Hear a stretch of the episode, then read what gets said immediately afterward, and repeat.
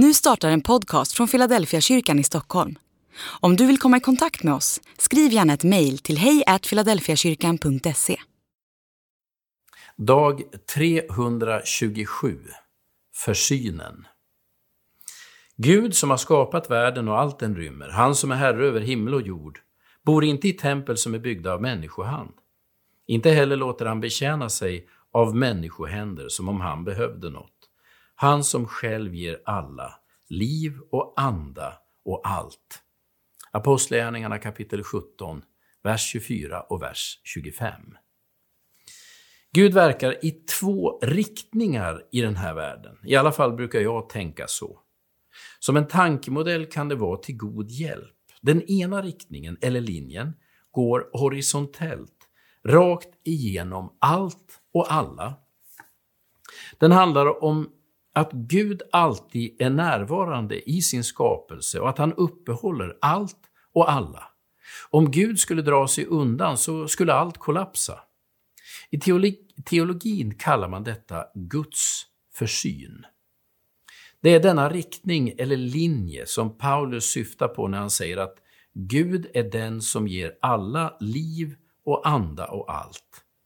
Det är som ett horisontellt gudomligt kraftfält som berör allt och alla, överallt.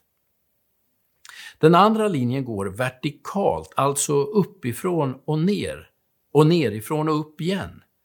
Den handlar om hur Gud griper in i vår värld, eller snarare bryter in i vår värld genom Jesus Kristus. Den linje som startar i himlen och som säger att Jesus ägde samma gudomlighet som skaparen själv. Ändå väljer han att avstå från sin likhet med Gud för att bli som en av oss. När han har blivit som vi, så går han ända ner i döden och dödsriket i, ly i lydnad mot Gud. När han når botten vänder Gud på allt och upphöjer Jesus över allt och alla. Han stiger upp till himmelen igen och därifrån väntar vi att han ska komma tillbaka.